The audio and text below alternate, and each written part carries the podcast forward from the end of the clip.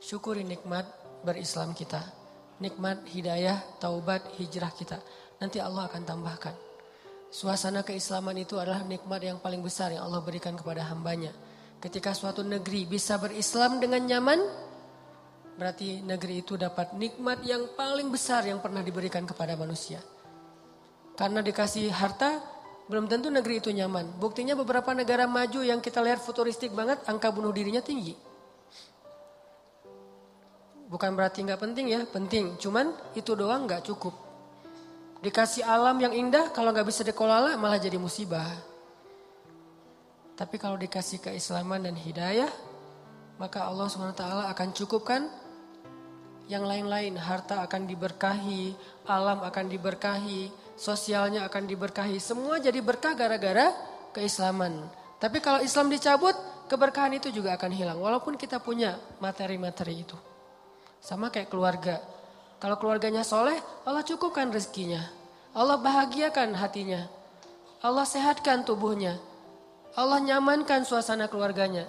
Tapi kalau orang dikasih harta doang tapi nggak dikasih kesolehan di dalam keluarga itu, justru harta penyebab kekacauan di dalam keluarga itu. Syukuri nikmat berislam. Yang kedua, cintai Rasulullah Shallallahu Alaihi Wasallam Semoga kelak di akhirat kita bisa benar-benar menatap wajah Nabi. Oh ini yang namanya Rasulullah Muhammad. Pantesan kok seluruh dunia itu kagum kepada beliau. Tajdid perbaharui. Kalau saya memperbaharuinya kadang-kadang selain dengan baca sirah, baca hadis. Karena iman kita kan lemah ya. Harus di, di, di charge itu bukan mingguan, bulanan, harian kayaknya. Kalau sahabat mingguan cukup kita harian karena cepat banget dropnya. Kayak handphone udah rusak. Baru dicas udah ngedrop. Tadi siang baru dicas. Jam 2 siang, jam 1 dicas, jam 2 udah tinggal 5%. Nih handphone hati kita ini lagi ngedrop. Cas lagi, cas lagi.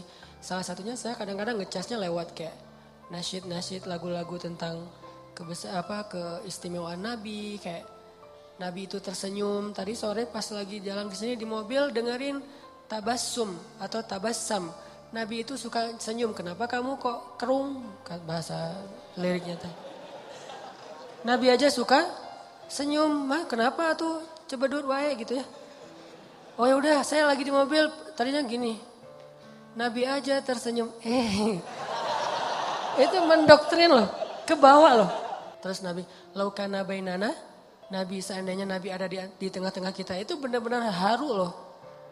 Begitu dengar apa backsound aja nggak usah lagu backsound sebuah booster tentang yang kayak gitu-gitu apa uh, uh, Tokyo apa Cinderella story atau apalah kayak gitu-gitulah saya nggak ngerti. Korea-Koreaan lah Jepang-Jepanan.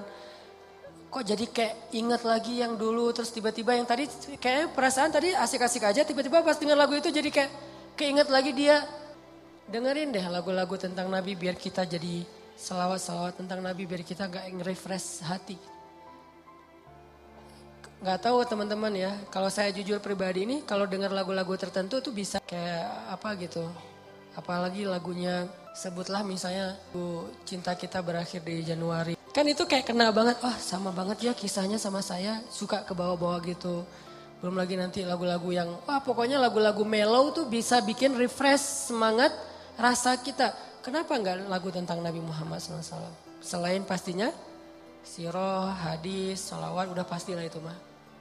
Karena gimana-gimana juga kita butuh entertain, manusiawi. Dan Allah menciptakan itu untuk kita nikmati. Benar-benar kita coba setiap hari belajar teman-teman, belajar mencintai Nabi. Yang paling layak dicintai dalam hidup kita itu pertama Allah, kedua Nabi, ketiga orang tua, keempat adalah pasal pasangan dan keluarga kita kurata ayun. Kalau yang belum eh, punya minimal tiga dulu lah. Allah, Nabi dan orang tua. Itu urutan. Ini bukan acak, urutan. Jadi kayaknya nggak fair kalau kita cinta banget sama orang tua kita, apalagi cinta banget dengan itu. Tapi ke Allah Rasulnya tuh kayak nggak ada greget-gregetnya, biasa-biasa aja. Giliran nama dia disebutin, kita langsung kayak ha Giliran nama Allah disebutin biasa aja, nggak ada rasa wajilat kulubuhum. Nah ini kayak nggak fair menurut saya. Belajar deh. Pelan-pelan dibangun itu. Takjub sama Allah, ingat betapa baiknya Allah sama kita. Takjub sama Nabi, ingat betapa baiknya Nabi sama kita. Kalau saya sekarang membiasakan setiap, karena saya pengen respect banget sama Nabi semampu saya. Kalau sholat sama Nabi itu saya takzim, menghargai. Misalnya Allah ala takzim banget. Kenapa? Sosok yang memang layak ditakzimin. Gak usah kita. Malaikat aja takzim sama Nabi. Kayak apa hormat banget ya, respect banget. Malaikat aja respect banget sama Nabi Muhammad. Malaikat tuh sayang banget sama Nabi. Sampai Jibril tuh pas ngedampingin Nabi wafat. Nabi lagi sakaratul maut. Jibril buang muka. Nabi tanya, ya Jibril kamu benci ngeliat wajah saya? Enggak ya Rasul, saya enggak tega. Kayak seorang ayah yang anaknya lagi mau diinfus, bayinya lagi diinfus, lagi disuntik kan gak tega banget kan ngelihatnya ya. Kayak gitulah Jibril kepada Rasulullah SAW. Gak tega Jibril mau ngelihat Nabi lagi tarik nyawanya. Apalagi Aisyah yang mangkuin Nabi. Apalagi istri-istri Nabi yang lain yang ngelihat Nabi dalam keadaan susah. Keringat beliau, keringat dingin karena sakaratul maut. Nabi dalam keadaan kayak gitu. Yang diingat siapa? Kita, ummati. Ya Allah gimana? Karena Nabi pengen make sure ke Allah kalau nanti di akhirat beliau bisa mensyafaati kita. Itu deal-dealan Nabi sama Allah yang terakhir itu adalah make sure kalau Nabi itu bisa syafaatin umatnya itu tuh deal-dealan Nabi sama Allah yang terakhir loh. Ya Allah beri saya kesempatan mensyafaati umat saya. Beri kesempatan umat saya masuk surga duluan. Umat saya, umat saya, umat saya. Sampai Allah ya ya ya ya. Baru tenang beliau kembali kepada Allah. Itu permintaan terakhir Nabi. Kalau kita kan permintaan terakhir mungkin gak akan keingat orang lain. Jangankan orang lain mungkin keluarga aja nggak ingat. Pasti diri sendiri yang kita pikirin kan.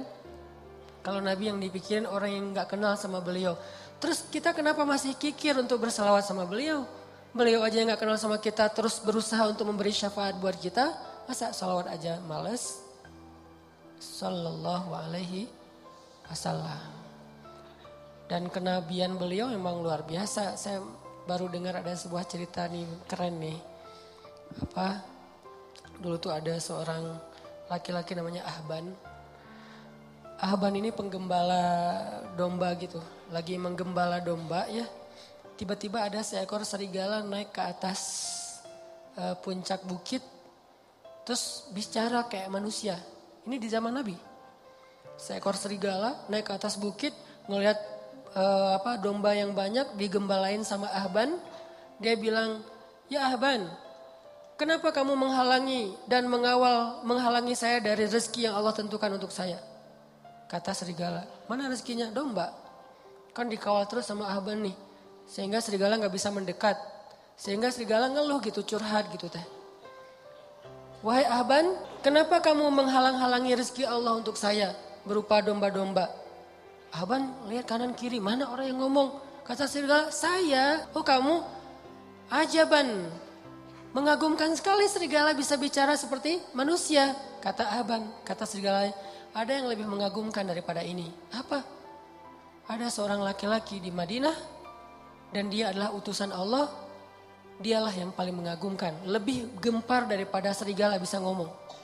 Beneran, beneran. Nih Aban ini orang Madinah, dia nggak tahu tentang kenabian Rasulullah. Pulanglah dia ke kampungnya, nanya-nanya tentang Muhammad, tentang kenabian, datanglah kepada Rasulullah. Begitu Ahban bertemu dengan Rasulullah, Rasulullah tersenyum dan mengatakan, apa yang dikatakan serigala itu kepadamu, wahai Ahban? Dia makin kaget. Ya Muhammad, bagaimana kamu tahu tentang apa yang saya bicarakan dengan serigala? Allah subhanahu wa ta'ala yang maha tahu segala sesuatu. Akhirnya asyhadu an la ilaha illallah wa annaka rasulullah banyak banget bukti-bukti kebesaran itu. Jadi nggak usah ragu lagi bahwa Muhammad Shallallahu Alaihi Wasallam adalah utusan Allah, orang terpilih yang Allah aja udah maafin kesalahan beliau tapi nggak menyebutkan kesalahannya. Tapi Allah maafin, tapi nggak disebutin kesalahannya. Saking mulianya Rasulullah Shallallahu Alaihi Wasallam.